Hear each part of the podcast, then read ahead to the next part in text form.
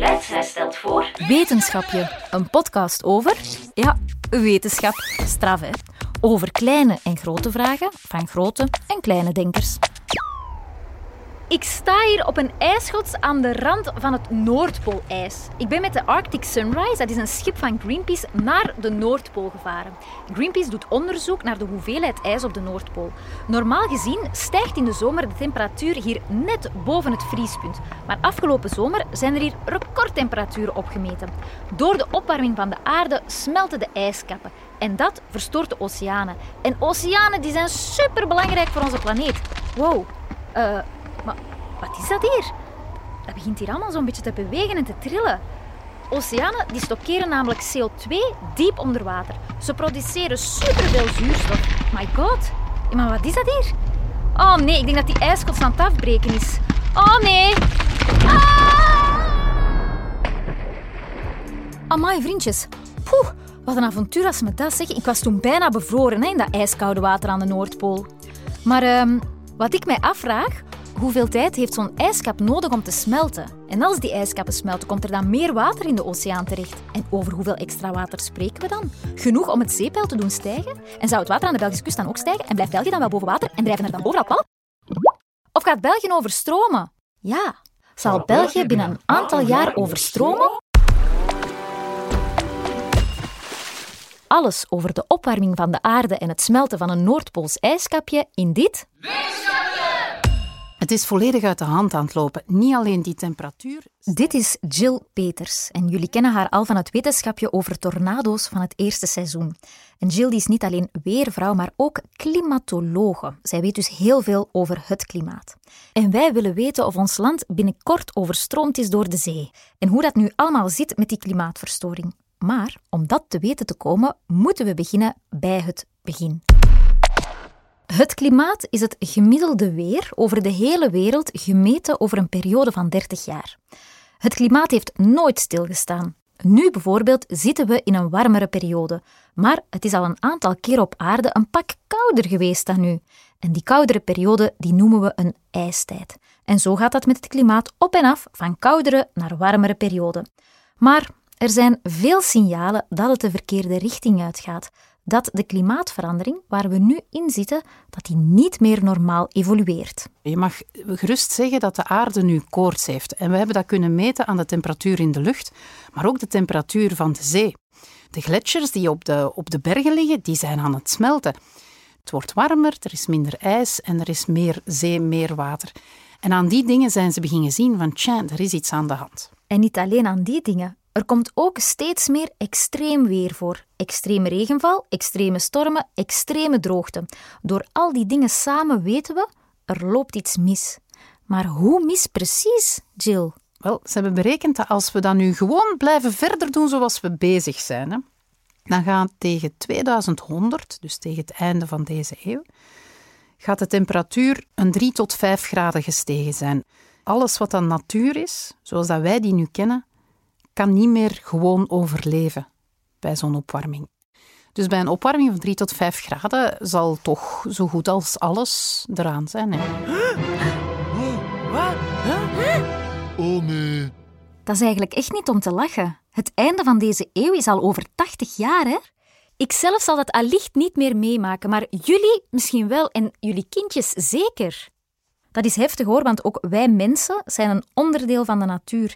En ook wij zullen dat allicht niet overleven. Op dit moment zijn er al miljoenen mensen eigenlijk aan het vluchten voor slecht weer, voor overstromingen en voor enorme droogte, voor gebrek aan drinkbaar water, voor mislukte oogsten. Dat zijn allemaal redenen waarom dat mensen vluchten uit hun bestaan en eigenlijk ook weten dat ze nooit meer gaan kunnen terugkeren. Dat is verschrikkelijk. Hè? Dat is niet even op vakantie gaan. Hè? En dat zijn dus allemaal gevolgen van de opwarming van de aarde. Oké, we weten nu dat ons klimaat in de verkeerde richting evolueert en dat dat voor mens, dier en natuur verschrikkelijk kan eindigen. Maar hoe komt dat nu? Wat is de oorzaak van die klimaatsverandering? De oorzaak daarvan is eigenlijk alles wat de mens uitsteekt op aarde. Alles wat de mens uitsteekt op aarde, ja, dat klinkt wel heel algemeen. Sinds de 19e eeuw is het klimaat aan een onnatuurlijke opwarming begonnen. Nu, half 19e eeuw zaten we hier midden in de industriële revolutie. Dat is een moment in de geschiedenis waarin de mens overal op de wereld industrieën uitvond. Een industrie dat betekent machines dingen laten doen die wij voordien met onze handen deden.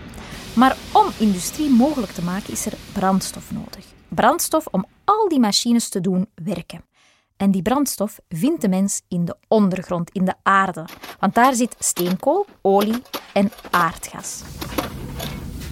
Bij verbranding van die grondstoffen werken machines sneller, maar komen er ook heel veel schadelijke stoffen in de lucht. En die stoffen die noemen we broeikasgassen. En sinds de industriële revolutie zijn er dus veel meer broeikasgassen in de lucht. Er zijn nu dubbel zoveel broeikasgassen in onze lucht dan voor er machines en auto's waren. We eten ook veel te veel vlees, want ook dieren produceren broeikasgassen. En we nemen veel te vaak het vliegtuig of kopen producten die met een vliegtuig tot bij ons zijn geraakt. En dat is wat Jill bedoelt met alles wat een mens uitsteekt op aarde. Voor we verder praten over broeikasgassen en wat die allemaal doen met ons klimaat, wil ik eerst even weten hoe het komt dat het warm is op onze planeet. Van nature is het hier zo lekker warm op aarde, omdat we de warmte krijgen van de zon. Hoe gebeurt dat nu? Die zonnestralen die leggen een hele weg af, die komen toe bij ons. Die komen in onze luchtlaag en in die luchtlaag gaan eigenlijk de broeikasgassen de warmte vasthouden. En hoe meer broeikasgassen, hoe meer warmte er wordt vastgehouden. Dus van nature zijn er broeikasgassen aanwezig in onze atmosfeer die de eigenschap hebben dat ze de warmte van de zon vasthouden. Mochten er geen broeikasgassen zijn, dan zou het hier op aarde 33 graden kouder zijn. Dus in plaats van 15 graden, oh, zou het hier gemiddeld min 18 graden koud zijn. Oh, we zouden dat helemaal niet overleven. Maar wat zijn die broeikasgassen dan precies en wat zit er hier nog allemaal in de lucht?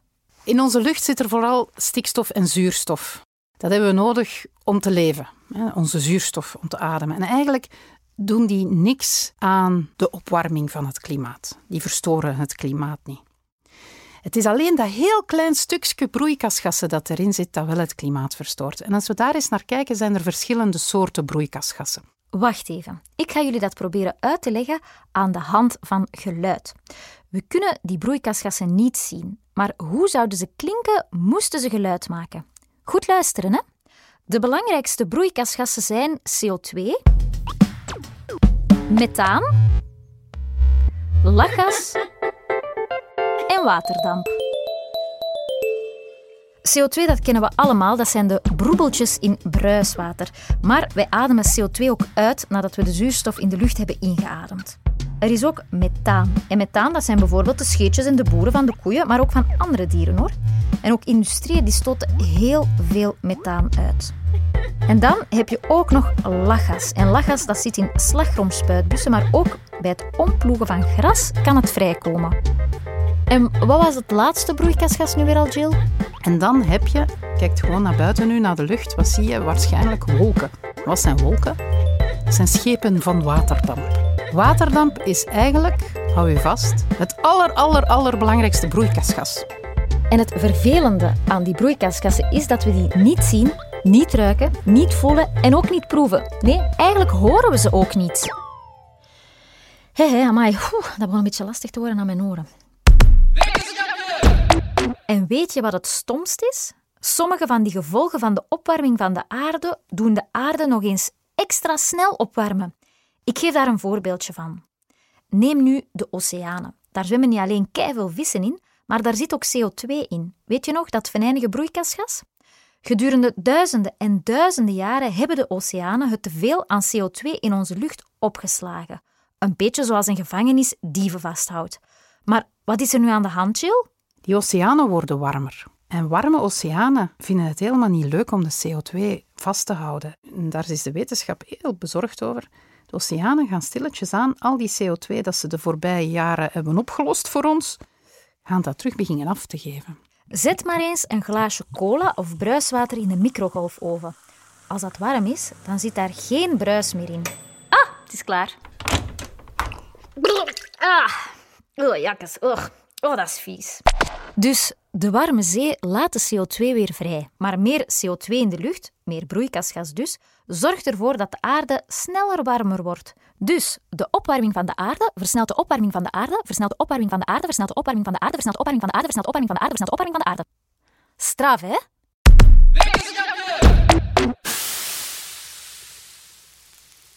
Vroeger, toen ik nog studeerde, eh, toen hadden we ongeveer gemiddeld tien dagen wisselvallig weer, tien dagen droog weer, tien dagen nat weer, tien dagen wisselvallig weer. Dat zat zo'n beetje een cyclus in van tien dagen. De motor van heel dat systeem, dat is de straalstroom. En de straalstroom, dat moet u voorstellen als een snelweg van lucht op grote hoogte. Op een dikke 10 kilometer hoogte. Dat gaat honderden kilometers per uur, raast daar rond de wereld. En die straalstroom, die wobbelt zo, die kronkelt op grote hoogte rond de wereld. En die sleurt dus al die weersystemen mee. Tot dan niks aan de hand.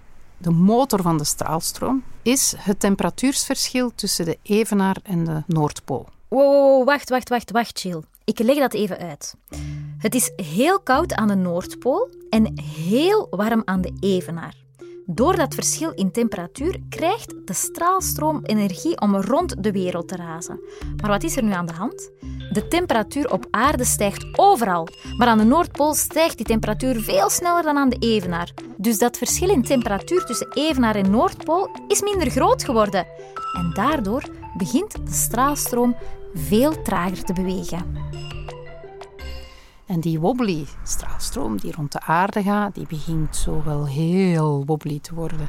En die stroomt zo wat, wat anders dan normaal. En doordat die anders dan normaal stroomt, krijgen wij hier op aarde ook ander weer. Wij krijgen niet meer om de tien dagen ander weer, maar soms perioden van drie maanden warmte en daarna regen gedurende drie maanden. Op plekken waar het sowieso al droog was, is dat dus catastrofaal, want nu blijft het daar nog langer droog. Oké, dat is hier al heel veel informatie bij elkaar. Ik ga dat even heel kort samenvatten. Het klimaat is verstoord. Dat komt door het teveel aan broeikasgassen in onze lucht. De temperatuur van de lucht en het zeewater stijgt. De ijskappen smelten. De straalstroom raakt verstoord, waardoor er steeds meer extreem weer voorkomt op onze aarde. Mens, dier, natuur zijn in gevaar. Maar er is ook positief nieuws. Het goede ook is dat we weten, hè, de mens heeft het veroorzaakt, dat is niet goed. Maar doordat we het zelf hebben veroorzaakt, hebben we het ook in hand om er iets aan te doen. En dat stemt mij altijd hoopvol. Willen we ervoor zorgen dat we met z'n allen nog een veilig en gelukkig en gezond leven hebben, dan moeten we nu vooral heel drastisch ons gedrag gaan aanpassen. De fabrieken moeten inzetten op propere energie, zoals bijvoorbeeld wind- en zonne-energie, in plaats van olie, gas en steenkool. En wij, wij kunnen beter de fiets nemen in plaats van de auto. Ten tweede moeten bossen blijven staan, want die zuiveren onze lucht. En ook de oceanen zuiveren onze lucht. Greenpeace wil tegen 2030 30% van de oceanen beschermen. Kijk maar eens op hun website greenpeace.org. Dan moeten we stoppen met vlees te eten. Niet alleen omdat koeien, varkens en schapen broeikasgassen uitstoten door hun boertjes en protjes. Oh, dat stinkt zeker. sorry. Maar enfin. Maar ook omdat heel veel land opgaat aan de vleesindustrie. Dat zou wel een heel groot stuk oplossen van het probleem. En dat is iets dat je zelf kan doen. Wat we ook zouden kunnen doen, is stoppen met het vliegtuig te nemen om op reis te gaan. Een vliegtuig is iets enorm vervuilend en voorlopig is daar ook nog geen alternatief voor. Omdat we snel moeten reageren, is dat iets dat heel snel ja, zou helpen. Maar nu hebben we nog steeds geen antwoord op onze vraag. Zal door het smelten van de ijskappen België binnen een aantal jaar overstromen? Absoluut niet. In 2050 gaan we wel geregeld last hebben van natte voeten. En dan denk ik vooral in periodes dat het zo heel lang droog is geweest en dan zo keihard begint te regenen. En dat gaat dan voornamelijk in de zomer zijn met zware onweders of zo. Verdrinken wij door de stijging van het zeepeil? Nee, niet echt. Het zeepeil is iets heel traag. Het gaat nog echt wel zijn tijd duren voordat het water tot, tot in Antwerpen of tot in Brussel staat. Maar dat het komt, dat is wel zeker. Oké, jongens en meisjes. Ik ben er misschien wat vroeg mee, maar ik ben alvast mijn rubberbootje aan het opblazen. Ja, dat is wel niet de Arctic Sunrise van Greenpeace, maar het gaat er toch voor zorgen dat ik niet nat zal worden. Wat ik vooral onthoud is: industrieën, investeer in propere energie. En jij, lieve luisteraar, ga overal met je fiets heen.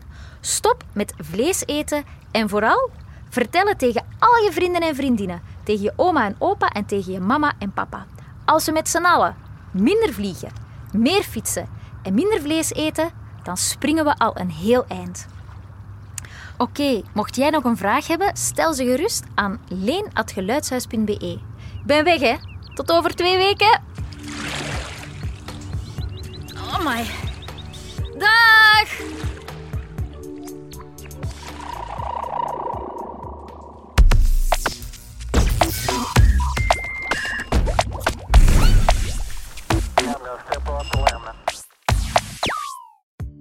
Dit was Wetenschapje met Jill Peters als klimatologe.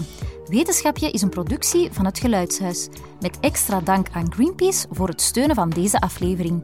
Klank en muziek zijn gemaakt door Bram Kouwmans. Concept en regie door Leen Renders. Met extra hulp achter de schermen van Katarina Martinovski, Anne Smet, Linde Verlooy, Pieter-Jan Vinks en Koen Brandt. Heb je genoten van deze aflevering? Geef dan een score of laat een recensie achter. Zo vinden anderen ook de weg naar deze podcast.